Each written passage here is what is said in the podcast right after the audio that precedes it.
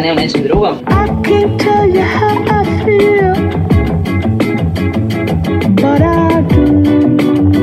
Depresija, osnovni simptomi.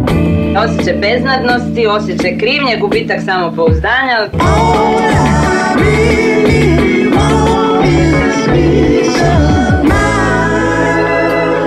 U raljama osjećanja vodič kroz lavirinte naših emotivnih doživljaja. Dobroveče. Slušate Radio Aparat, a ovo je emisija Uraljama osjećanja. Uh, ovo je prva emisija, uh, prva epizoda, da kažem, u novoj sezoni emisiju Raljamo osjećanje posle duže pauze uh, i jako sam srećna što sam se vratila i jedva čekam da razgovaramo o svim temama koje smo najavili, a i svim onim koje, ovaj, koje nam iskrsnu tokom emisije i koje vi budete predložili.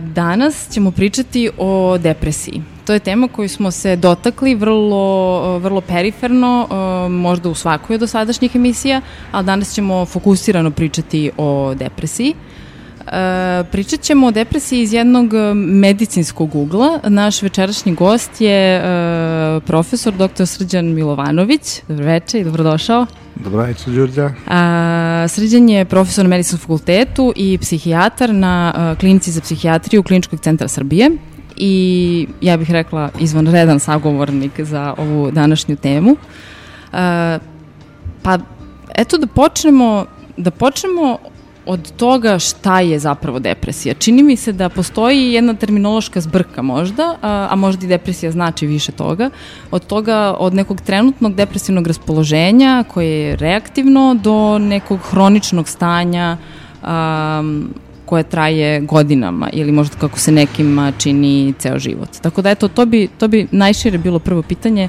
šta je depresija? Da, hvala na pitanju i hvala na pozivu da učestvujem u ovoj interesantnoj emisiji. E, naravno, pozdravljam sve slušateljke i slušalce a, ovog interesantnog radija i vrlo je prijatno biti u ovom okruženju. E sad što se tiče same depresije, Đurđa, to je jedno tako široko pitanje i teško je sad reći šta sve spada po depresiju i mi u principu u svakodnevnom govoru i razgovoru često koristimo samo reč depresija za brojne neka stanja koje se događaju ovaj, nama i nam, našim bližnjima ili nekim drugim ljudima. Ali ako pričamo o nekom kontekstu eh, psihijatrijskom, znači jednog oboljenja koji se zove pravilno reći unipolarna depresija, možda depresija možda bude u sklopu bipolarnog afektivnog poremeća, ali sad se fokusiramo samo na ovu koju sam rekao, onda govorimo o jednom ozbiljnom poremeću raspoloženja koji ima svoje variacije. I negde u osnovi sve depresije možemo da kažemo da imaju vrlo slične simptome manje, u manjoj ili većoj meri, ali da je svaka ipak vrlo značajna za osobu koja nje boluje i da može da bude negde ispunjena na neki svoj način. I u tom kontekstu opet mi psihijatri, naravno koleginice i kolege psiholozi, a i drugi ljudi koji se bave mentalnim zdravljem uopšte, ovaj, nama pomažu da jednostavno ovu, ovu situaciju prvo definišemo, da vidimo ovaj, koliko utiče na život osobe koje se to događa i naravno da pomognemo da iz te, tih okolnosti na naj, najbolji način izaći. Šta su, um, šta bi bili simptomi depresije? Kako da prepoznamo da smo depresivni? Pa simptoma ima više. U suštini mi govorimo uvek o nečemu što se zove patološki povišeno raspoloženje. Znači, bolesno žalovanje, recimo da koristim neku našu, neki naš jezik, znači to je jedan od osnovnih simptoma, znači jedno bolesno tugovanje, svako ima pravo da bude tužan iz nekog razloga i sigurno zbog toga nije bolestan, nešto nas rastuži, nešto nas to raspoloži. Naravno lepše da nas neke stvari češće ovaj, čine srećnim. Međutim, život je takav da u toku svakog dana mi imamo neke okolnosti koje nas učine radosnim ili neke koje nas učine tužnim, nešto, nas razočara, nešto nas obraduje. I to je deo života. Ako pričamo o nečemu što se zove depresija, onda pričamo o jednom dugotrajnije izmeni raspoloženja. Znači, dugotrajnijem tugovanju, to je prva stvar. Druga stvar, ljudi koji su depresivni i gube kvalitet života ili doživljavaju nešto što mi zovemo anhedonija. Anhedonija znači nemogućnost doživljavanja prijatnih zbivanja, okolnosti, da li će to da bude ukus hrane, radost za neku slušneku muziku, bilo šta što bi bilo kom čoveku pružilo zadovoljstvo, onaj koji je depresija praktično gubi tu, tu, da kažemo, taj kvalitet života i to je nešto što dodatno utiče da se depresija produbljuje i da traje kako traje.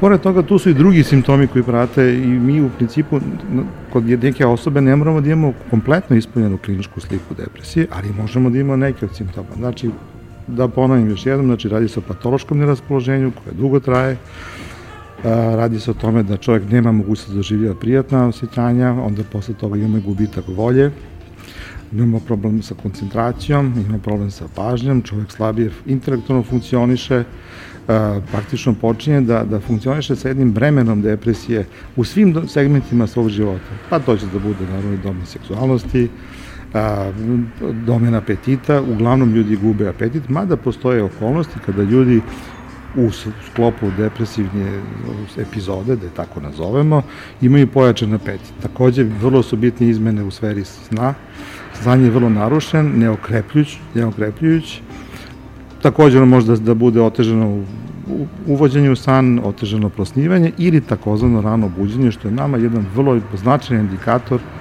da osoba ba, boli od depresije, znači to rano buđenje je jedan tako dosta značajan simptom.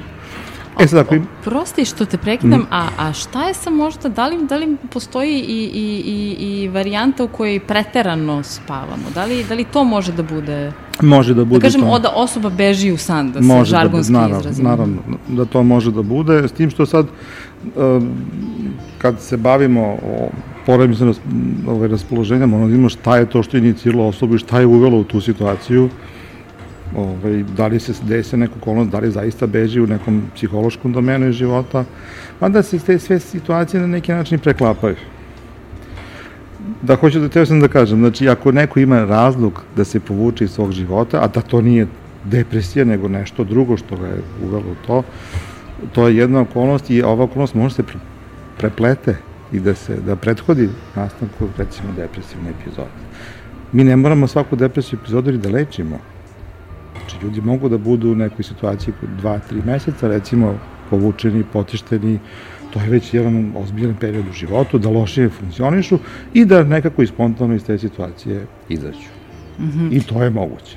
A kad si rekao, ajde sad da vidimo preciznije, rekao si e, patološko tugovanje koje je predugo traje. Šta, šta je to predugo? Ka, e, šta, šta je nešto što znam, znam jako je teško, te granice su vrlo arbitrarne, ali, ali šta je, šta je, šta, šta je, sim, šta je, šta nam je signal da prepoznamo kod sebe ili nekog e, nama bliskog a, da je možda đavo odno šalu? Pa, depresija je bolest koja ima više lica, ali sad ćemo pričati o, o simptomima depresije kada ljudi nisu ovaj, u da stanju takozvane agitirane depresije, prosto moram i to da pomenem, znači depresija je jedna ozbiljna bolest koja ima mnogo simptoma i može se ispuniti na više načina, znači, ali dominantno se ispoljava na taj, da, da kažemo, takozvani tihi način. Uh, koliko treba da traje, mi imamo u psihijatriji dosta dobro, da kažem, našu medicinsku regulativu i na osnovu znači, podataka koje dobivamo od naših ovaj, pacijenata ili od ovaj, bližih, mi možemo da procenimo koliko je to otprilike trajalo. Mislim i koliko je prethodilo pre javljanja neke osobe za stručnu pomoć. Potražno. Ali već sve preko dve, tri nedelje raspoloženja, tugovanja, pada apetita, bez nekog razloga koji bi bio jasan, definisan i tako dalje, može da bude već uvod u jednu depresiju. To može da traje naravno i 2, 3, 6 meseci, pa čak i više godina u nekim slučaju. A rekao si, ne moramo svaku depresivnu epizodu lečiti. Neka prosto ode sama od sebe, jel? Pa, mi ne, naravno da ne moramo, kako nam se osobe ne jave. U slučaju da neko potraži pomoć, mi ćemo naravno to svi psihijatri, kažem ljudi koji se bave tim pomoći, ali kažem, ono što je možda i kažem na neki način i dobro, nekad to možda prođe spontano, s tim što bi uvek bio moj savet, ako se jave takvi simptomi, ako prepoznamo, treba potražiti apsolutno stručnu pomoć. A koji su to simptomi kada, kada dođe pacijent, kada dođe osoba koja pati od, od, od depresije, uh, ok, osim što kaže depresivan sam ili depresivna sam, ali ne kaže šta, šta osjeća, šta misli, šta, kako, sa čim dođe osoba koja traži pomoć? Pa to je sad prvo nekad se ljudi prvo sami se ne javljaju, spontano se javljaju, nekad neko bližnji kaže hajmo da potražimo pomoć, ali dominantni simptomi, ja sam da raspoložen, ja se teško koncentrišem, ja loše spavam, ja imam napetost preko dana, može da bude i situacija da je osoba iritabilna, da nema sluha za druge, da ne može da istoleriš šta se događa, prosto ne funkcioniše na način na koji ona to funkcionisala i recimo i ta iritabilnost može da bude relativno česta u ovim okolnostima u kojima mi živimo, a upravo da bude u sklopu jedne depresivne situacije. Znači, pada apetita, neraspoloženje, nema zadovoljstva u danu, loša koncentracija, loš uspeh u bilo kojim okolnostima koje osoba ima. U stvari, ta osoba može i da funkcioniše kroz ceo dan, ali će funkcionisati s jednim teretom, s jednim bremenom, s nečim što je teško, bit će umorna, neće biti zadovoljstva, neće biti osmeha, i tako dalje. Mislim, to bi bili glavni, glavni simptomi. E, to, to, to baš sad što si rekao, ta osoba može da funkcioniše kroz ceo dan. To čini mi se da ume da bude, da, da, možda da negde maskira uh, kod okoline ili kod bliskih ljudi i to, na primjer, da, da ne poveruju, da nam ne proveruju da smo depresivni. Jel, pa kao šta si depresivna? Eto, ideš, radiš, pa ne znam, bio si tu, završio si to, kako si depresivna? Depresivan je onaj koji samo sedi kući i leži i ne kupa se 5 dana. Jel, postoji negde, nije, nije redko takvo mišljenje i razumevanje depresije? Pa dobro, naravno da ljudi koji nisu u tom domenu ili koji nemaju neka saznanja mogu da imaju takav stav, ali mi u principu u našoj struci delimo, da kažemo, situaciju depresivnosti na umerenu situaciju, znači umerenu depresivnu epizodu, na težu, srednje tešku ili vrlo izraženu. Znači, prema tome koliko su i sami simptomi bolesti prisutni koji je njihov intenzitet, nije to isto kod svakog čoveka. Tako da ovaj, to je nama jedan dobar parametar naravno i za uključivanje i terapije i da vidimo koji bi bio najbolji metod da se pomogne čoveku. Kažem, recimo blage epizode mogu da prođu i spontano, s tim što opet se vraćamo na onu priču.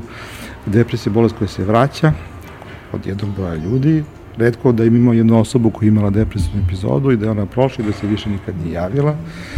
Mi onda volimo da kažemo da je to nešto što recidivira, znači da postoji recidiv te bolesti, znači ponovna epizoda, Može da se primjenjena i bilo koja druga reč, ali znači, imamo znači, periode kada čovjek dobro funkcioniše, kada je bolestan, kada loše funkcioniše i do, idu u jednom praktično, da kažem, na cikličnom turnusu.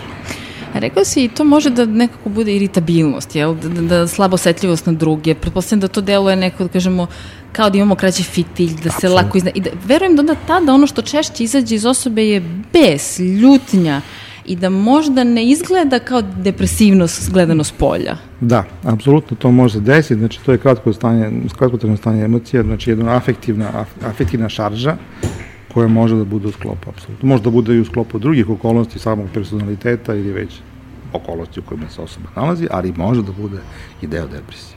I upravo tu terapija E, može dosta da pomogne i ta situacija može da bude bolja. I sami ljudi primećuju da nisu kao što su bili, da, da imaju to, ne osjećaju se dobro ni zbog toga, jer sve što se ljudima događa koji su depresivni, u principu njih opterećuje i dodatno ih vuče u tu jednu da kažemo močvaru teških osjećanja, ajde da kažemo noge su im teške, ne mogu da se izvuku, naprave neku grešku, što može apsolutno da bude ishod ove bolesti hvala.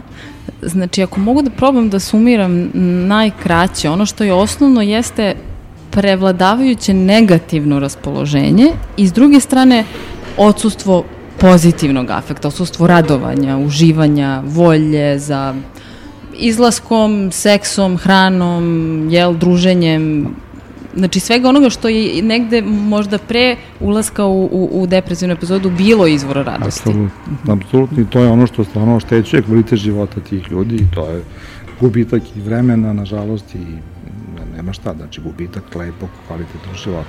Ili bar nekih momenta koji mogu da budu takvi. A, a, rekao si, postoji neka gradacija, umerena, srednja, teška, ali tako, ali a, e, ako sam dobro razumela, i ta umerena već je potpuno legitiman razlog da se obratimo za pomoć. Apsolutno. Dobro, hvala. A, nastavljamo posle a, e, kraće muzičke pauze, slušamo Lou Rida, Vanishing Act.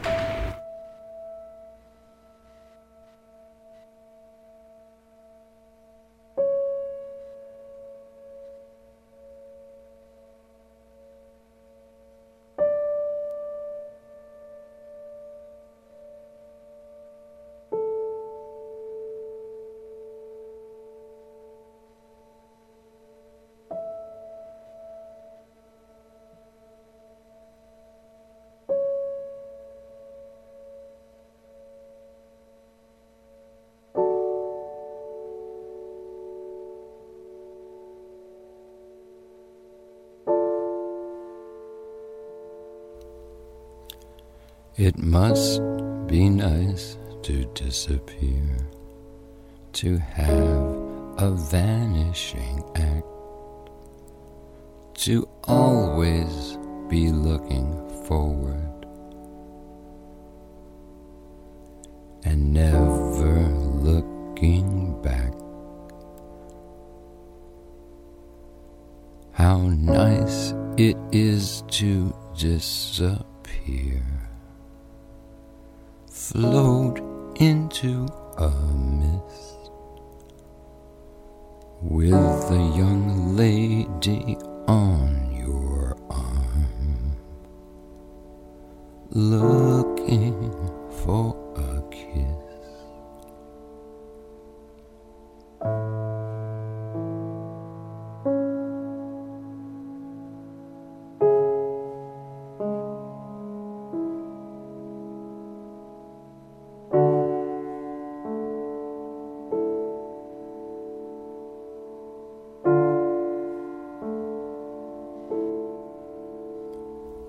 It might be nice to disappear,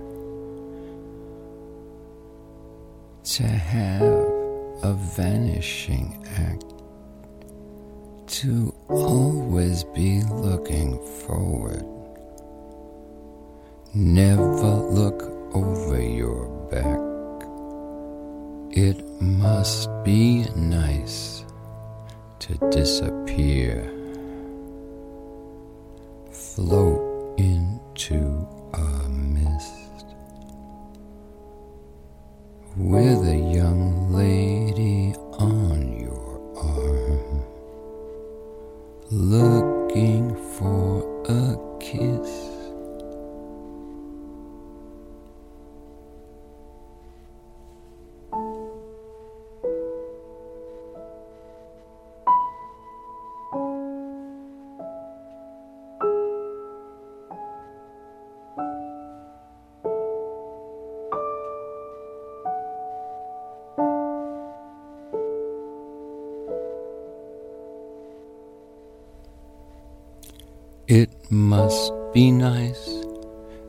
Disappear, to have a vanishing act, to always be moving forward and never looking back.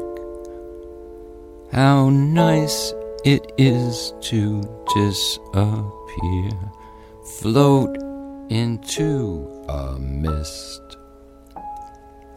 with a young lady on your arm looking for a kiss.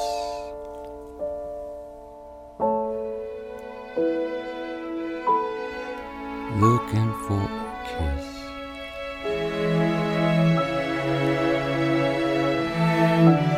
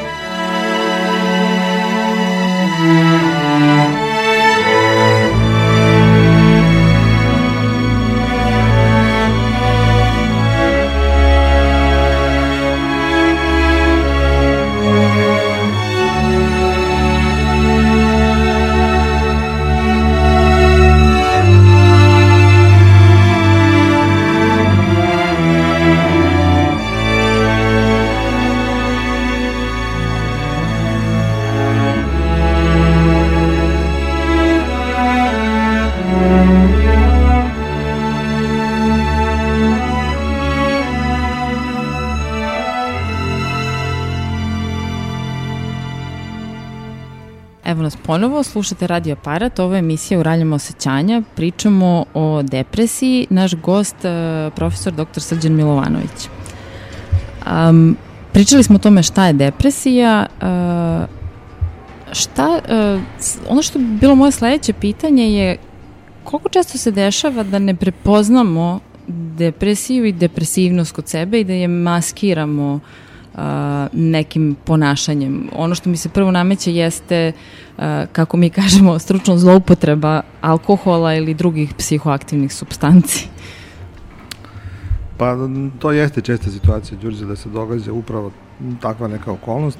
Ajde, možemo da kažemo prvo sam alkohol kao alkohol je kao što, kao što svi znamo ovaj, sredstvo da ljudi koji koriste da bi se raspoložili i on zaista na nekom nivou i inicijalno ovaj, tu jednu okolnost. Naravno da, da ljudi koriste alkohol i da bi kupili svoju strepnju i anksioznost, A strepnja, anksioznost i raspoloženje i depresivnost su kao dve, ja to ne, ponekad kažem, sestre, koji, bliznakinje koji idu ruku pod ruku i drže se i ne puštaju se i osoba koja ovaj, doživljava ove okolnosti i ovaj, nije lako da se izbori sama sa tim i da to prepozna. A sam, kažem, anksiolitik, ovaj, sad dobar alkohol je odličan anksiolitik i u nekim okolnostima vrlo kratko on može da popravi uslovno kažem popravio raspoloži čoveka, naravno iz te situacije se prelazi u mnogo ozbiljnije okolnosti, pogotovo ako se to koristi, mi to kažemo simptomatski, da bi se ove, upravo ovi simptomi negde umanjili.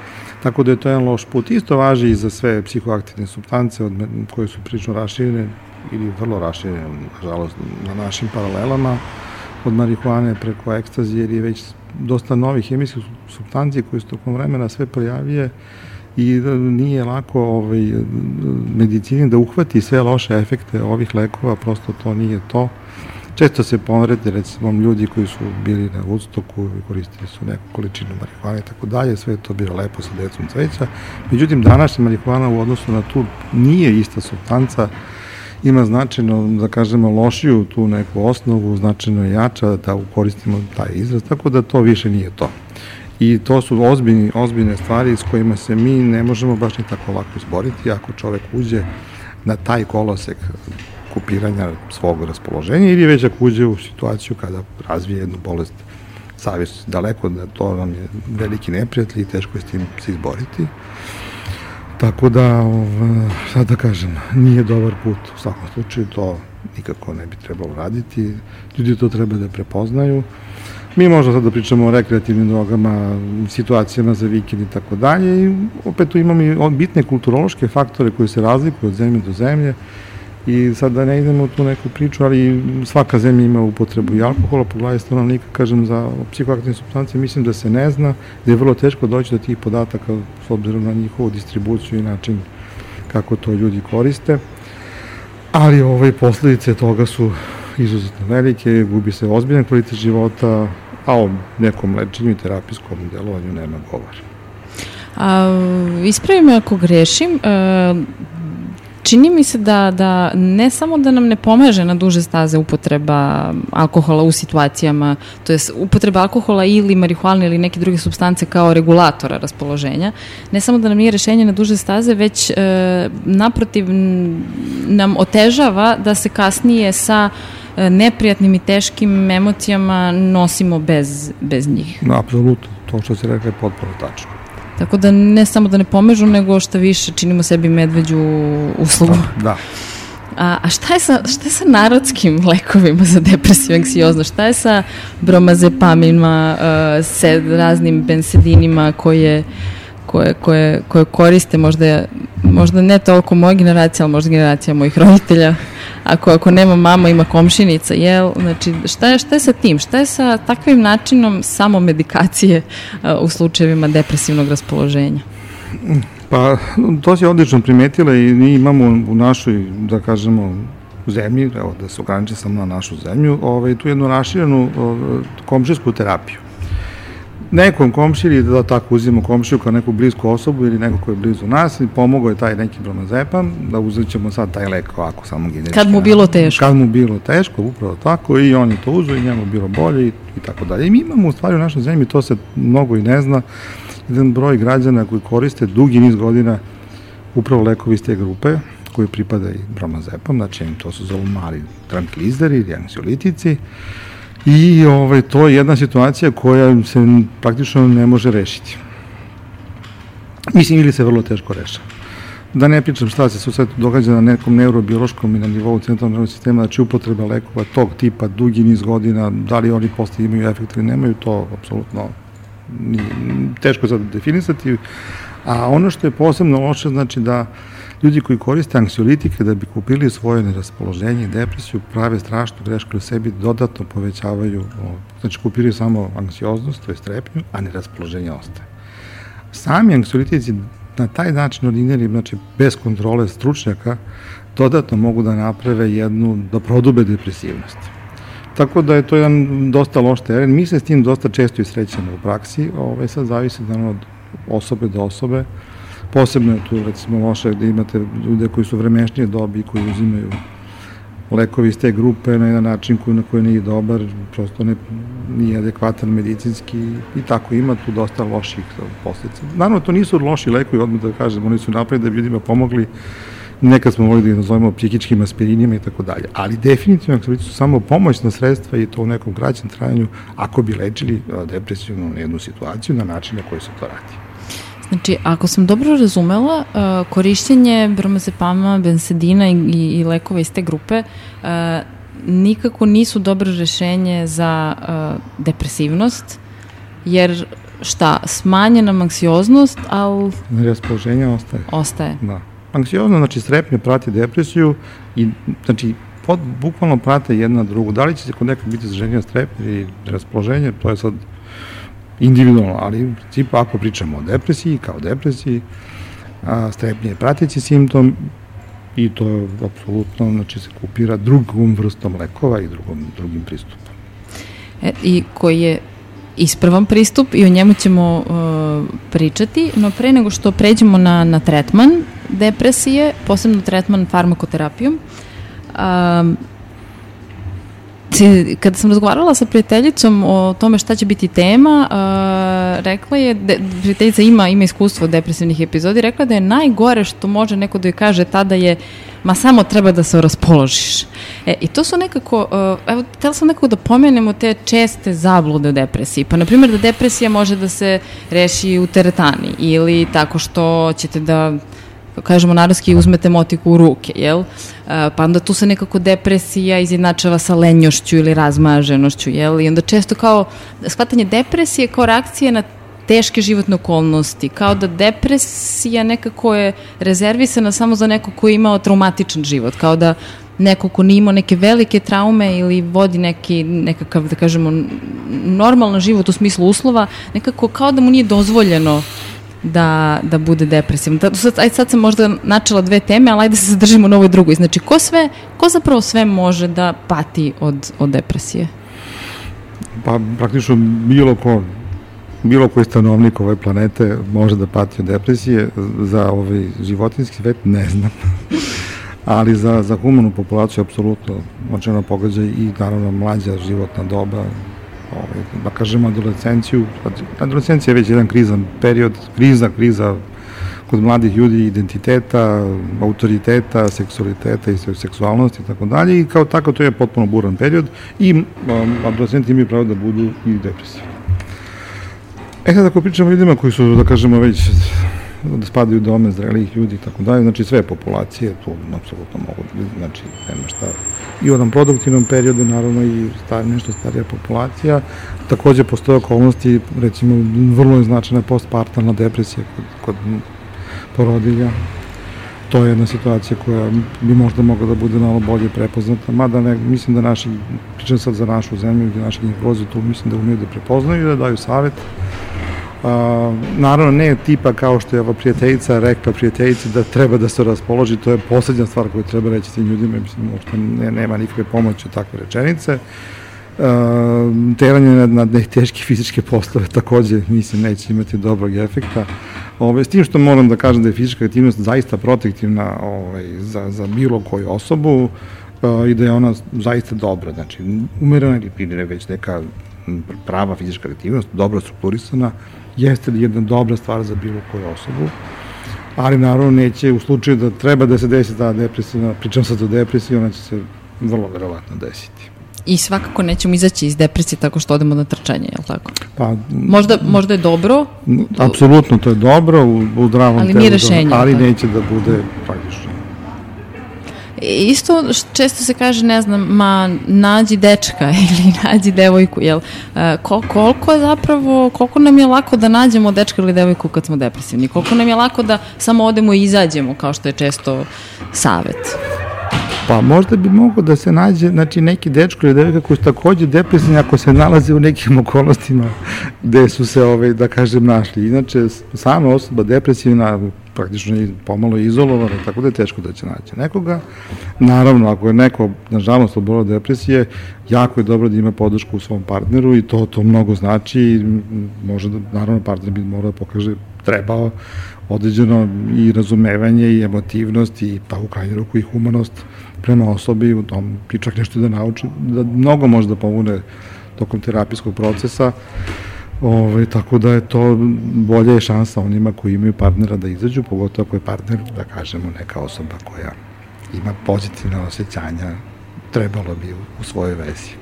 I pruža podršku. I pruža podršku, naravno. E sad, rekli smo, znači, šta, šta ne valja reći? Jel ne valja reći samo idi nađi dečka ili, ili idi trči, ali šta, šta, šta, je, šta bi bila adekvatna reakcija a, porodice, bliskih ljudi a, na, na pojavljivanje depresivne epizode kod, kod nekoga? Pa sad se opet vraćamo pomalo na onaj početak, znači da vidimo o kojoj se vrsti depresije radi, naravno ako, ako imamo teške depresivne epizode, imamo, možemo da, mogu, nažalost, da se jave kod ljudi i ove depresije sa psihotičnim takozvanim karakteristikama takozvane psihotične depresije, to je onda evidentno da imamo osobu koja je ozbiljno bola i tu porodica u principu dobro reaguje, traži pomoć, a nekad je u tim slučajima i, i potrebna hospitalizacije. Da li će ono da bude uslovima pune hospitalizacije ili parcijalne, opet zavisi, kažemo, od težine kliničke slike.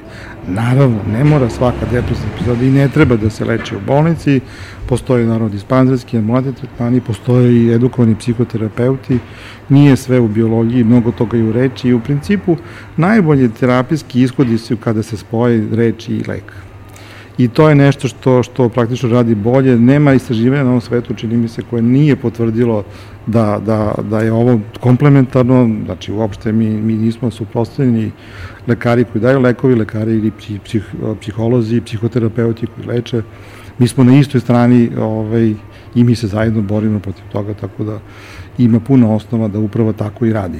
Tako da, Hvala. Znači svakako uh, ono što je možda najgore što, što okolina može da uradi za neko ko pati od, od de, depresije uh, jeste da se prvo ne priznaje da ima problem, tako? Da se nekako depresivno smatra izmišljenim problemom a, a, a onda jel da se nude ovakva uh, instant rešenja. Znači zapravo najbolje je pod jedan prihvatiti i, i, i imati razumevanja za to kao ozbiljan problem, a, a onda i podstaći na, na, na osobu da traži tretman. Pa sigurno, ja možda nisam najbolje govorio na ovo prethodno pitanje, pošto je bilo dosta, ako da kažem, Đorđe, obimno. Ove, Izvinjavam se. Ne, sasvim je to u redu. Prosto mi moramo da vidimo i kakva je, bole, kakva je ličnost obola od bolesti. Koja je ta ličnost koja obola od depresije? Da li ta depresija ima i neku psihološku značaj, dobit možda I to je dosta važno. Znači, prosto možda treba ovaj, približiti da depresija je bolest koja ima puno razloga, puno manifestacija, puno nekih lica. Nije sve ista depresija. Nisu svi, svi, svi depresivni ljudi isti, svaki je za sebe. Svaki ima svoju depresiju, svaki je nosi na svoj način. Um, možda bi bio dobar moment da kažem, znači, ako bi pravili neku grubu podelu, imate prosto situaciju, imamo situaciju da imamo takozvanu endogenu depresiju. Mi volimo da kažemo to endogena. Znači da je ona biološki predisponena depresija, imaćete u jednoj porodici neki genetske razloge zašto će u nekoliko članova porodice, u nekoliko generacija oboleti od nekog poremeća. Prenose se bolesti, genetski se sve bolesti prenose. Prema tome, ovo, imaćemo jednu situaciju da imate neku predispoziciju u jednoj porodici da neko oboli od takozvanog afektivnog poremeća. Nama to vrlo znači, zato što imamo dobar podatak, idemo u nekom pravcu diagnostički dobrom i možemo da dobijemo neko iskustvo prethodnog lečenja i praktično imamo podatak koji je nama vrlo važan. To je što se toga tiče. A opet imate i situacije kada se javljaju takozvane reaktivne depresije, znači to su situacije da imate jedno iscrpljenje adaptivnih kapaciteta jedne osobe u njenom životu.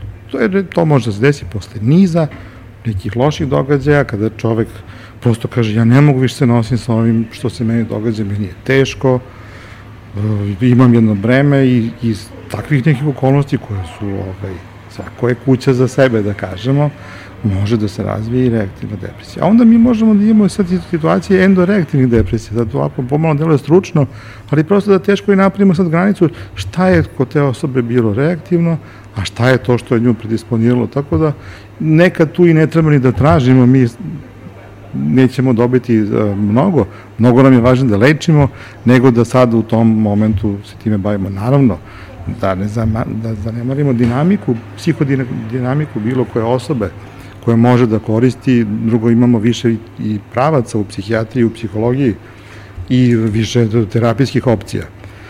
Tako da ni, ni jedna praktično ne isključuje drugu. Hvala. A, pre nego što nastavimo, uh, slušamo Anu Ćurčin Alone. Alone,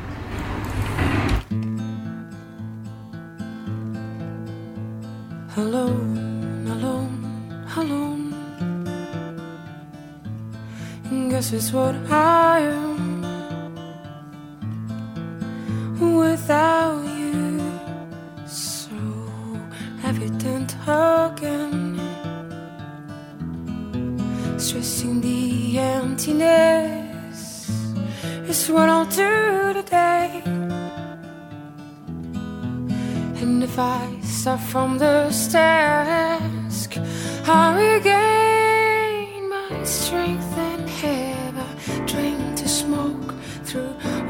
the hallways that lead me nowhere.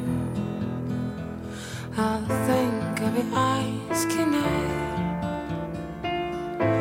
and how it feels so right without this tear of freedom of mind. Well, I cannot bear all the judgments I'm spared, and once again I'll end up in shame alone, alone, alone,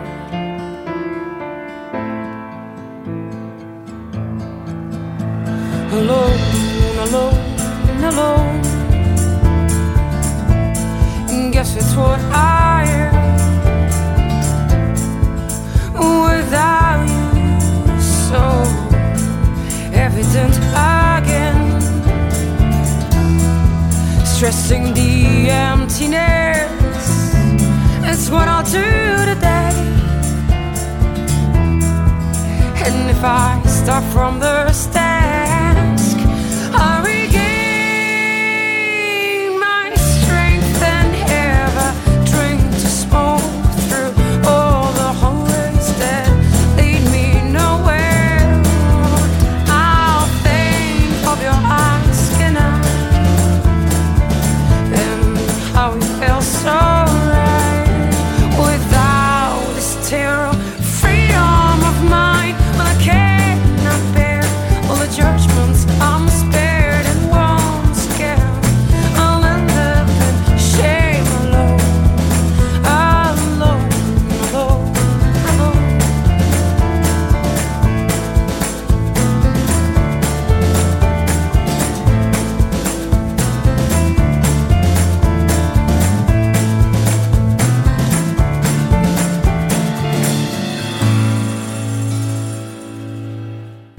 nazad u studiju, slušate Radio Aparat, emisiju Uraljam osjećanja, pričamo o depresiji. A, depresiju jako često prati uh, osjećanje sramote i stida. Uh, nekako, uh, iako se sve više uh, o tome priča, uh, i u popularnoj kulturi i u medijima generalno um, nije lako priznati uh, sebi, ni, ni, ni najbližoj okolini, ni kolegama na poslu, partnerima da smo depresivni.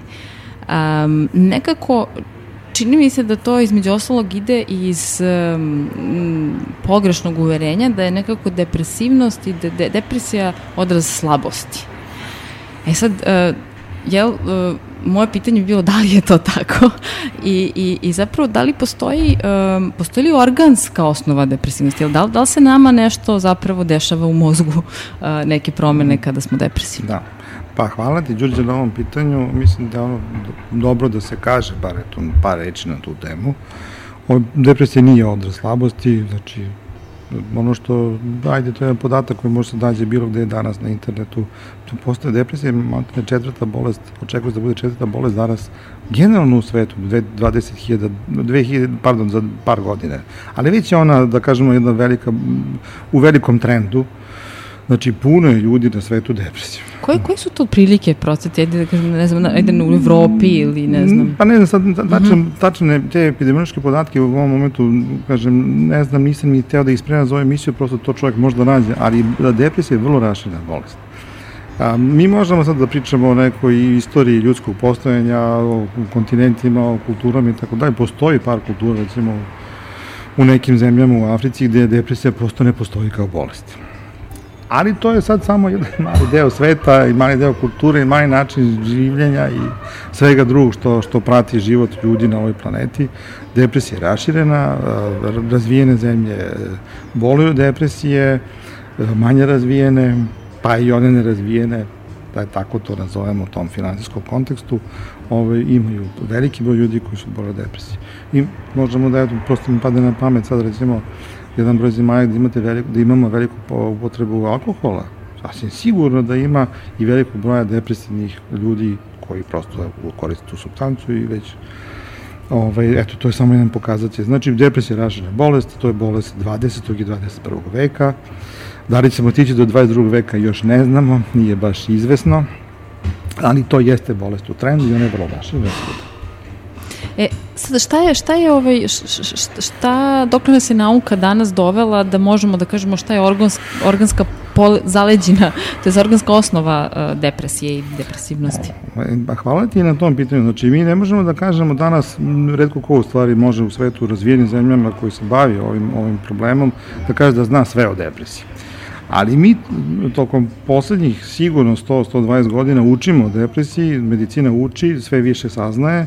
Depresija nije bolest trenutka. Depresija je bolest koja traje i ona se u tom kontekstu i razvija da kažemo nama. To su neke promene koje mogu da budu vrlo subtilne na takozvanom celovnom i subcelovnom nivou, na samom nivou sinapse, znači veze između dva neurona, pa onda možemo da imamo neke takozvane neurotransmiterske ovaj, sisteme, da to su glasnici u našem centralnom sistemu koji svi, svi ih posjedujemo, naravno, i koji mogu da se menjaju u nekom svom, da kažemo, količini, znači komunikacija među neuronima, broju receptora koji tu komuniciraju, a na kraju te promene posle nekog vremena mogu da imaju i određene supljene anatomske promene u centralnom nervnom sistemu ovaj, u centralnom nervnom sistemu ljudi. Tako da nije to stvar samo jednog momenta. Mi danas saznajemo da, su, da je naš mozak danas, smatralo se ranije da je mozak takav kakav jeste. Dobio sam broj neurona, mi smo porasli i to je to. Međutim, mozak ispostavio da je plastičan, da postoji nešto zove patoplastičnost, da broj neurona može da varira, ne samo da se gubi, može da se, da se povećava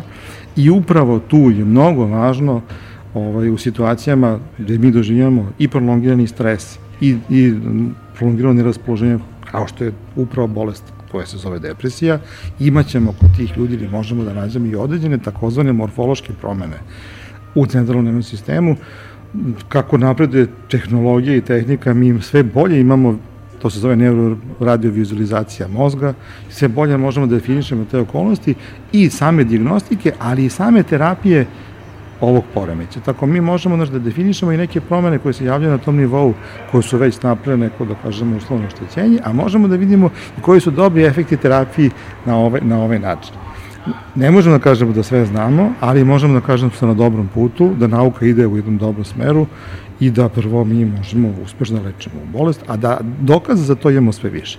A ne mogu da kažem, bar ne verujem da sad neko može da kaže da zna baš sve o depresiji i da zna sve šta se desilo, ne, ali da smo na dobrom putu, to da. A šta su neki, uh, znači postoji, postoji organska osnova, postoji nešto što je i predispozicija, jel, na što nam je nasleđeno, znači neki od nas su skloni, mislim da kažemo podložni tome da uh, dožive depresivnu epizodu u nekom momentu toku života, ovaj, je li ta verovatnoća se poveća ukoliko naši najbliži srodnici, roditelji, je li tako neku porodici ima uh, uh, afektivnih problema te, te vrste. A da li postoji, uh, da li postoje faktori rizika? Pa postoje, naravno da postoje. Znači, ajde da kažemo, upravo ta porodična predispozicija je nešto što smo dobili u našim genima, rekombinacije dva roditelja i naravno prenosi se kroz generacije. To, to je jedna okolnost. Evo, sad si me malo asocirala prosto na porodicu Hemingway, imate u nekoliko generacija ovaj, izvršen suicid što je izvesno ipak neka porodična predispozicija uprkos nekom, sad ne ulazimo u splet okolnosti svih članova porodica, ali znači neki ljudi su nekoliko generacija izvršili suicid. Čisto da mislim da, da treba pomenuti suicid je najteži ishod depresije. I to je, da kažemo, najveći poraz psihijatri kada se desi takva okolnost, poraz. Prosto pobedi nešto što je bolestno, pobedi zdravlje, pa jedan loš ishod. Šta bi moglo da bude predispozicija? U principu postoji jedan, jedan broj podataka koji govore da su žene sklonije depresiji nego muškarci. I sad, da li se muškarci ne javljaju ili žene više vole tome da pričaju, sad, ali generalno podatak je takav da su žene sklone, ovaj, sklonije depresiji nego muškarci, recimo, to je jedna okolnost. Onda drugo, drugo taj nepovoljne okolnosti, gubitak, traumu u detinstvu, a, nažalost, jedan broj dece prolazi teško detinstvo, da li će to da bude, da ne nabrajamo sve loše razloge zašto to može da bude, ali to će stvoriti predispoziciju da u odraslom zelom dobu ta osoba može da obori pre od depresije nego neko drugi prosto. I ja bih da se nadovežem na, na ovaj uh, uh, moment rodne razlike jel, u, u incidenciji uh, o, o, o to, depresije, depresivnosti, ovaj, uh, a ti ćeš mi reći šta, šta misliš o tome, da li uh, Uh, uh, ono što bi bilo možda moje objašnjenje jeste da, uh, da je to stvar kulturološka, da smo mi žene nekako učene da budemo usmerenije na svoje emocije i da ih više prepoznajemo, dok bi, na primer, nešto što inicijalno isti pad raspoloženja ili gubitak volje i kod žene i kod muškarca bi možda kod muškarca pre otišlo u neko ponašanje, na primjer, sklonost alkoholizmu ili zloupotrebi substanci, ili pak možda to iritabilnosti, besu i to, da prosto čini mi se da negde stvari vaspitanje kulture, da ćemo mi žene više jeli smo i usmerene na to, da to prepoznamo, a i nekako nam je to tugovanje možda možda više socijalno prihvatljivo nego muškarcima. Pa dobro, jeste, do, sigurno da stoji koliko će to da pomogne ili da odmogne, to je takođe jedno dobro pitanje ali slažem se da su žene, da kažemo, ajde, možemo da kažemo da, da, da postoji verovanje da su žene prosto jednostavno više sklone tome, da su više okrenute ka sebi, ka analizi emocija, verovatno je to i tako istinito, ali da ne idemo sad u tu analizu, istine da, da tu postoje neke razlike. Samo što je evo kako vreme dolazi, tiče roda i pola, dolazi do promena i u stavovima, i, ovaj, naučnim, malo gde se našlimo, ovaj, tako da ist, ostaje to bolest oba pola. Ono što je recimo možda po mom shvatanju i kliničkom iskustvu važno, žene su sklonije recimo da pokušaju suicid u sklopu svoje neke, da kažemo, depresivne situacije ili već neki, prosto to je tako, dok su muškarci uspešni u realizaciji ovaj suicida. Tako da, eto, i tu ima nekih stvari koje bi mogle da budu, ovaj, koje su, ne mogle, one i jesu važne, naravno. Hvala. A, pre nego što nastavimo i, i dođemo zapravo do uh, a, a, možda najvažnijeg dela, to je tretman a, a, depresivnosti. A, slušamo Brian Nina, By This River, inače muzički izbor našeg gosta.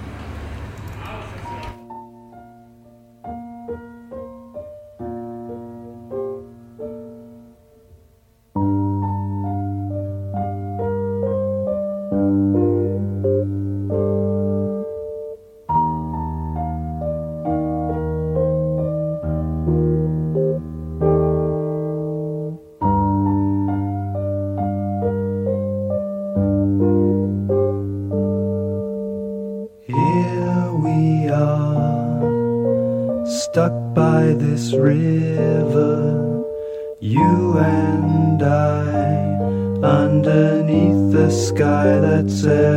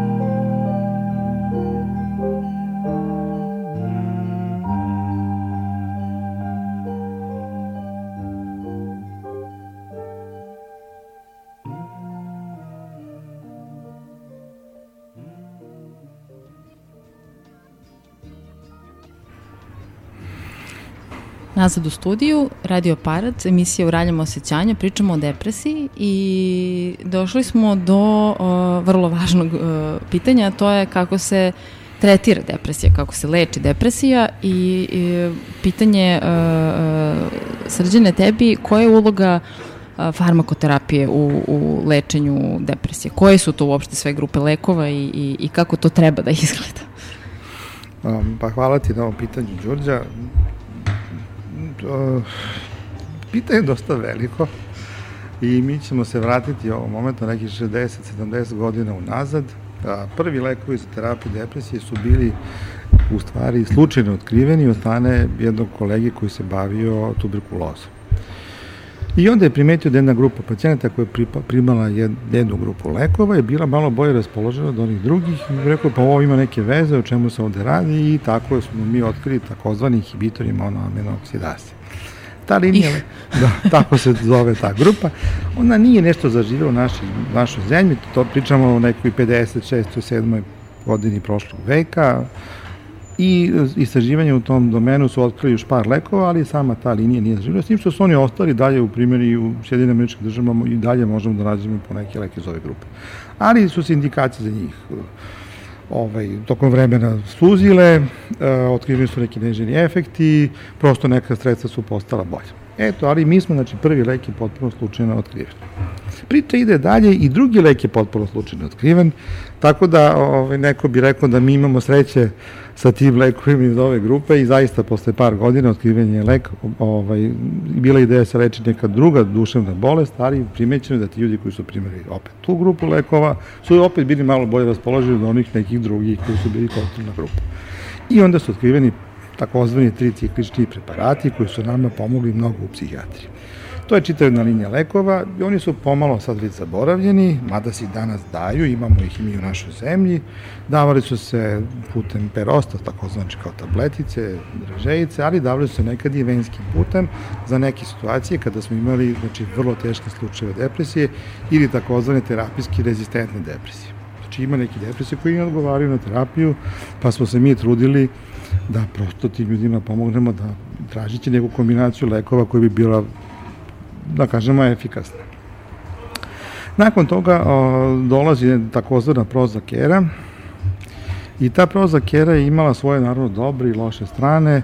Da, prosto da približim slušalcima, da, da bi se otkrio lek potrebno je mnogo vremena i mnogo truda. I nije to ovaj, proces koji se dešava u jednom danu, to je proces koji traje par godina. Pa nekad i po 5 do 10 godina. Da bi se jedan lek registrovao, i postavila je znači, efikasna indika, prava indikacija za njegovu primenu. I onda imamo ovaj, tu jednu grupu lekova, takozvanih selektivnih inhibitori ponovog preuzimanja serotonina. Čuveni je bio taj prozak, kod nas on zove flunirin, fluoxetin, tako dalje. Ovaj, i, uh, onda Kako on radi, on, on šta radi sa serotoninom? Pa ono što mi, znači, uvek kad, ono što je dosta loše, moram da kažem, ljudi uzmu ovaj, naše lekove i onda počitaju sve ono što piše, ono negativno i neželjeno, a nema leka koji nema nežene efekte i prosto ja bi se uplašio kad bi pomislio da će svi ti neženi efekti da mi se dese ako uzem tu substancu, naravno to se ne događa, neženi efekti mogu da budu vrlo redki ili mogu da budu relativno česti. Na našu sreću ti česti efekti su relativno blagi i prolazni. Tako da to je praktično umeće davanja antidepresiva nije samo umeće praćenja dobrih efekata ovih lekova, nego i neki koji prosto nama nisu željeni efekti i to je za nas vrlo važno, naravno važno za našeg pacijenta kog lečimo, da njemu bude to što bolje, a da ima što manje loših efekata i često su situacije, ili bar u mom, po mom iskustvu priču često, da imamo samo dobre efekte, a da se ne ispolji ni jedan neženi efekt. Ovi lekovi da bi počeli da rade treba im neko vreme, to nisu lekovi koji deluju na, na nivou 10-15 minuta, nego da bi dobili e, utisak da li lek radi, potrebno nam je nekad 7 do 21 dana, od prilike priča. Nijedan od njih neće da, da pokrene čoveka pre i tako dalje, ali već za 7 do 10 dana osoba koja počne sa antidepresivnom terapijom imaće neki stav, aha, ja se osjećam nešto bolje, meni je sad malo bolje, malo mi je svanulo, malo bolje spavam, malo mi je bolje apetit i to će da se desi, ako imamo takav takozvani pozitivni terapijski odgovor, mi tokom vremena možemo da očekujemo samo bolji odgovor. Da sad tu stavim tačku i da se vratim na ovu grupu lekova koju, koju, za koju smo pomenuli, znači te čuvene Prozac lekove, ima ih kod nas šest i u svetu ih ima šest. Um, oni su se toliko široko primenjivali, to ja volim da često pomenem, da su čak nađeni u vodovodu određenih gradova u Americi. Pa onda su se tu pojavili, da kažem, dali mikrobiolozi koji su ispitivali efekat tih lekova na, na floru i faunu reka. Na ribice. Na ribice.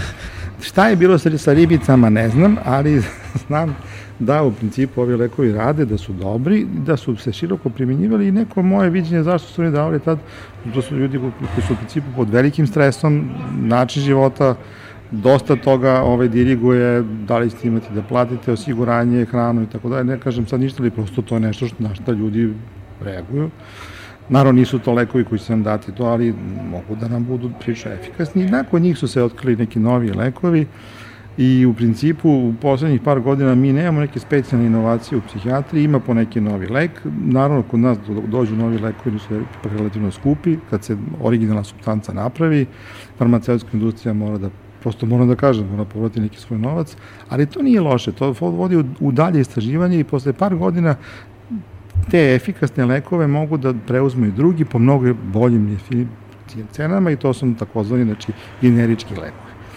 E, zašto ovo pričam? Zato što prosto mi nemamo svu tu paletu koju imaju neke druge zemlje, imamo jedan broj lekova koji je solidan, naše iskustva su dobre, u principu neke, neke da kažemo, farmakoterapijski trendovi Srbije su solidni, mi imamo dobru edukaciju lekara u tom domenu i mislim da možemo da budemo s tim koliko toliko zadovoljni, mislim, jedan broj lekova ide i preko fonda sa refunder i tako.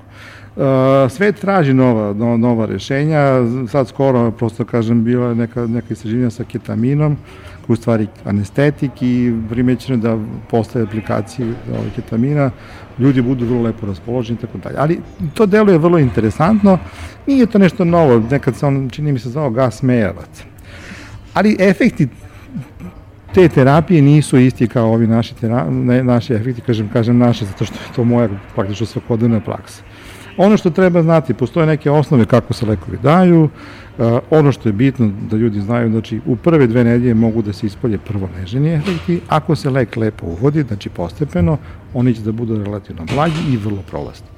Posle... Evo, oprosti, pretpostavljam da su brojni, ali šta, šta bi bili možda najčešći ti blagi, neželjeni efekti koje možemo da očekujemo kad krenemo sa terapijom antidepresivima? Pa evo, upravo iz ove grupe koje smo pomenuli, tih selektivnih inhibitora ponovnog preuzimanja serotonina, da je ovaj lek koji smo rekli Prozac, ali to nije naše zaštićeno ime, možemo da, imamo, da može da se javi mučnina, zato se lek uzima posle doručka, je bili malo uticali na neke takozvane serotoninske receptore u jednjaku koji provociraju tu situaciju. Mučina je prolazna Vrlo redko se desi da ona progredira i da bude intenzivnija. U principu za par dana ona se povuče. A, potom šta može da se javi? Može se povećaju svi simptomi, čak i depresivnost i strepnje, da to bude izraženije, anksioznost da bude veća. Prosto dolazi do neke blage stimulacije, da, da povezujemo celu, da kažemo, bioneuronsku osnovu svega toga, ali i te okolnosti su privremene i obično imamo, mi volim da kažemo, ako izgurate tih prvih 7-8 dana, mi možemo da očekujemo posle toga nešto. To su recimo iz ove grupe lekova, to je to. Onda imamo neke druge koji bi mogli da budu malo sedativni, To znači da čovjek oseti, a već mu nije dovoljno malo pospaniji, malo umornijim i tako dalje. E, u principu, e, konkretno taj, taj efekt sedacije nije dobar, naravno, Nama je on dobar ako uvodimo pacijenta u san, ako on lepo prost, prostni i ako se probudi ujutru relativno, da kažemo, oran. Ako ga prati sedacija tokom dana, to je opet jedan nežni efekt koji nama nije, nije prihvatljiv. Ima i drugih, ali kažem, najčešće su recimo ova tri koje mi padaju na pamet. Mm, e, generalno, ljudi imaju neku predrasudu prema antidepresivima, zaista, Đurđe, to mislim da je potpuno preterano. Ove, to su dobri, bezbedni lekovi, uglavnom se dobro podnose, kažem, ko ima odgovor, on će lepo da odgovori. I vrlo je česta situacija da ljudi koji bole depresije dođu posle 3-4 meseca, kaže, doktor, ja se osjećam kao dobro i kao da ne uzimam ništa i, i to je to što mi želimo da čujemo. E, onda, onda osobe kažu, pa jeste, ja sad sasvim dobro i ništa ne osjećam i ja bi sad prekinuo s terapijom. I to je, naravno, loš izbor, to neću kažem da je to greška, ali jeste greška. U principu, ako imamo jednu dobro definisanu epizodu depresije, ona se leči 6 do 12 meseci. Bolje 12 nego 6. U tom nekom periodu, nakon toga uh, opet ljudi smatraju i postavljaju da će biti zavistan od ovih lekova, to je pitanje koje se postavlja. Ne, oni lekovi ne stvaraju zavisnost, oni nisu lekovi koji uopšte imaju takvu osnovu, s tim što se ne isključuju na način da samo čovek isključi lek naglo, To se radi postepeno u nekom periodu zavisnosti od dužine terapije, doze i tako dalje, 5 do 10 dana, postepeno isključivanje leka i mi imamo čoveka koji se vratio u svoj život bez leka, nadamo se srećan i nastavlja dalje sa svojim životom. Znači, taj strah navući ću se, jel, neću moći bez njih, kao i taj da su simptomi isključivanja leka ili kako kažemo žargonski skidanja sa leka, neki teški, traumatični, da ćemo prolaziti kroz delirium tremens, zapravo nisu osnovane, je li tako? Pa nisu, ali naravno, ono, recimo ako bi imali osobu koja je uzimala terapiju god, dve godine, recimo, da uzimo dve godine, i naglo prekine sa terapijom, javit će se simptomi koji nisu dobri, koji su teški i koji će traje, mogu da traju recimo 7, 14, 21 dan. To stoji. Ali ako se lek isključi na način na koji se to radi, što nije neka, da kažemo, posebna, ajde, mudrost, ovaj, to, neće, to gotovo sigurno se neće javiti i bit će to sve vrlo blago prolazno ili čak uopšte neosetno. Ali čak je ako bude taj lošiji scenarij gde se jave 7 do pa i 20 dana nekih simptoma nekako naspram neke dugoročne dobrobiti, jel ne čini se tako, tako strašno kad se ovako postavi? Pa dobro, da, ne čini se, ali sigurno nije dobro. Ne, ne, mi, mi, mi moramo da sačuvamo našu reputaciju, to malo se i šalim, ali ne treba da osoba kroz to prođe, zaista nema potrebe, kažem, jedno fino doziranje, apsolutno ide u jednom i dobrom pravcu, prema tome to Pričamo sad o toj bazičnoj terapiji, Jasne. bez nekih komplikacija, dodatnih terapija, dodatnih lekova ili nekog takozvanog, kažemo mi, doktori komorbiditeta. Znači, zapravo, ukoliko se pravilno koristi, ukoliko se pravilno skidamo, da se tako izrazim sa leka, zapravo do tih e, neželjenih efekata ne bi trebalo ne bi ni da dođe. Tako, ne bi ni trebalo da dođe. Ili bi bili vrlo blagi, praktično zanemarljivi, tako da, eto, mi, ima to, ljudi se zaista plaše antidepresiva i to stoji. I mi se plašimo antidepresiva, ali, zna, ali znali znaš kada? Kada ljudi ih koriste da bi ih zloupotrebili, da bi sebi naudili. Na svoju ruku. Pa ne, ne, kada hoće da ih iskoristi, kada bi neko u sklopu svoje bolesti hteo da iskoristi lek da sebi naudi. Tad, tada, ih, tada ih se i mi plašimo. A opet s druge strane, jedna cela linija, pričamo sad o antidepresivima, je tu prilično bezbedna. To, to smo smislili da praktično ako lečite nekog depresije, ne treba da mu damo sredstvo da njegova depresija ode u jednom lošem pravcu, znači na neželjnom ishodu. Tako da i tu smo prilično, da kažem, sigurni, ovaj, tako da i to je jedan, jedan to je stvar jedan kvalitet u terapiji depresije koji, koji mi danas imamo. Još e, dve, da kažem, česte možda zablude o, o depresiji e, na koje bih volila da čujem tvoj komentar, e, jesu da će antidepresivi, ne o depresiji, već o antidepresivima, da će antidepresivi da nas zaravne, to je jedna, a, a druga da na antidepresivima to nismo mi, da smo mi sad neki drugi ljudi. A, pa nismo drugi ljudi, to smo mi koji nema tu tih, tih a, razmišljanja da, da, da psihofarmaci mogu da menjaju čoveka su bar ovo što čime mi radimo ove, meni nepoznato, mislim da to nije tako, čovek ostaje taj koji jeste i nema tu menjenja karakteristika ličnosti ti bilo čega. To, to, to apsolutno ne ide. Naravno da postoje e, pokušaj u svetu da se sa psihofarmacima utiče na ljude, da ne ulazimo u to je potpuno drugi domen nauke i delovanja, praktično mi nemam, bar ja nemam s tim iskustva. Pretpostavljam, imao sam i neka saznanja da, da ima takvih eksperimenata na vojnicima, na, ali, ali kažem, nije moj domen i mislim da nije sad trenutno to, to, toliko bitno. Znači, ovi lekovi s kojim mi radimo to ne radi. Da li mogu da dovedu do zaravljenosti? Neki od psihofarmaka mogu, do afektivne ove zaravljenosti. Nekad je to i potrebno. U nekim stanjima da imamo ovaj, potrebu da praktično kupiramo izraženi nemir kod, kod osobe, mogućnost da sebe nešto naudi ili možda svoje okolini ili već u tako nekim stvarima, davaćemo lekove sa sedativnim delovanjem, ali naravno to nije stvar koja treba bude dugotrajna po, kopiranju nekih okolnosti. Uvek se trudimo da treba da se trudimo da, da terapiju ne minimalizujemo, nego da je prilagodimo, da ona bude individualno prilagođena, da bude optimalna i da ovaj, praktično nije neki, neki efekti koji se, se postignu, znači evo, konkretno, znači, stabilizacija afekta do aplatiranosti, znači do zaravljenosti, vrlo, to je vrlo redko, a i u vrlo teškim slučajima, ali kažem mi to ne bi trebalo da bude neko sad stanje koje je trajno. Dakle, zapravo ne postoji razlog da se plašimo antidepresiva ukoliko ih koristimo pod nadzorom, naravno, psihijatra. Ne, ne, ne postoji. Ako ste u rukama dobrog psihijatra, ne treba se plašiti naravno lekova, ovaj, imate jednu dobru brigu. U principu, ja lično volim da sa, sa ljudima koji uzimaju terapiju, a vrlo otvoreno razgovaram, kažem šta možemo da očekujemo, kažem neke te glavne smernice i ako se to stvarno kaže na način koji je običan, da kažem, ličan, ne znam, nekim nekog predrasuda ili već bilo čega drugog. Dobra je saradnja. Ljudi u principu prihvate i to ide jednim dobrim tokom, stvore se jedan odnos i međusobnog poverenja, tako da i u principu mnogo toga se nauče ljudi koji uzimaju lekove. I to je mnogo važno u kliničkom radu, da, da umeti da, da, da lekar ume da čuje svog pacijenta, šta on osjeća, šta on misli, ja znam da ponekad nije lako diferencirati kad pričamo o lekovima koji se uzima više lekova ko je šta uradio i to apsolutno mi je jasno, ali ako imate jednu monoterapiju, apsolutno ljudi znaju otprilike, već su oni tu jako i prosto pravi su, oni su reper šta se događa s terapijom. Nismo mi lekari, nego upravo naši pacijenti. Hvala. A, To si spomenuo u jednom momentu, a ja bih voljela to za kraj da, da napomenem još jednom, ono što i, i, i, i naša praksa pokazuje, i, i jeli, veliki broj istraživanja, to je da zapravo u tretmanu depresije ono što je uh, možda nekad idealna kombinacija jesu antidepresivi, to je farmakoterapija i psihoterapija.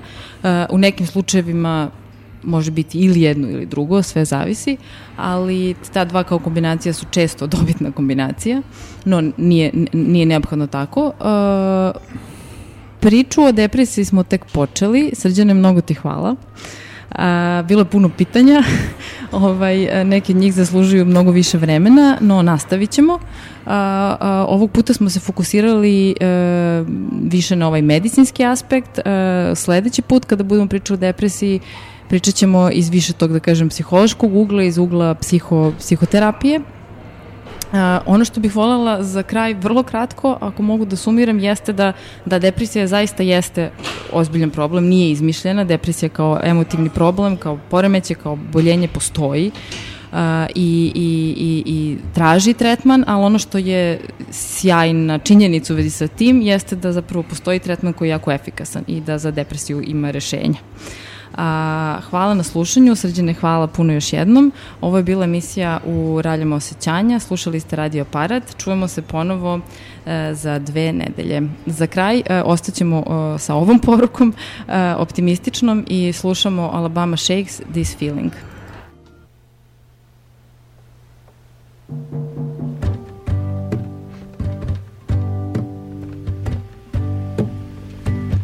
I just just kept hoping the way would become clear.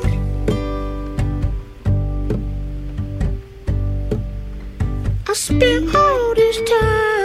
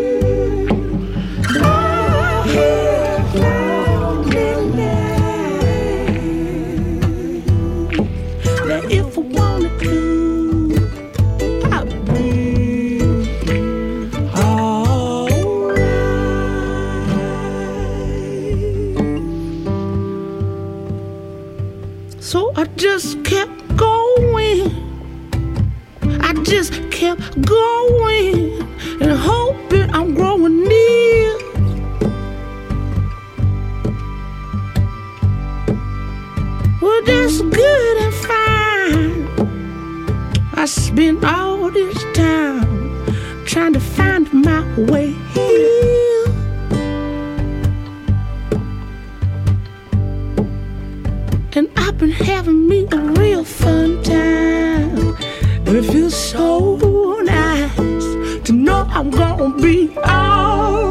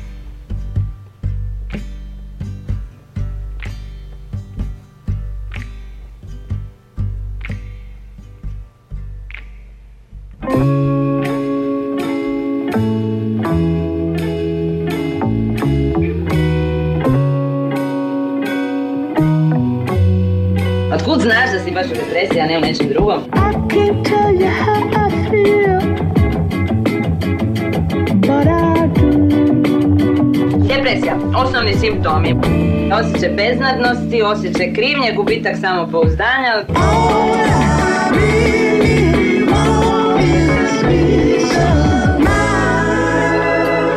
U raljama osjećanja. Vodič kroz labirinte naših emotivnih doživljaja.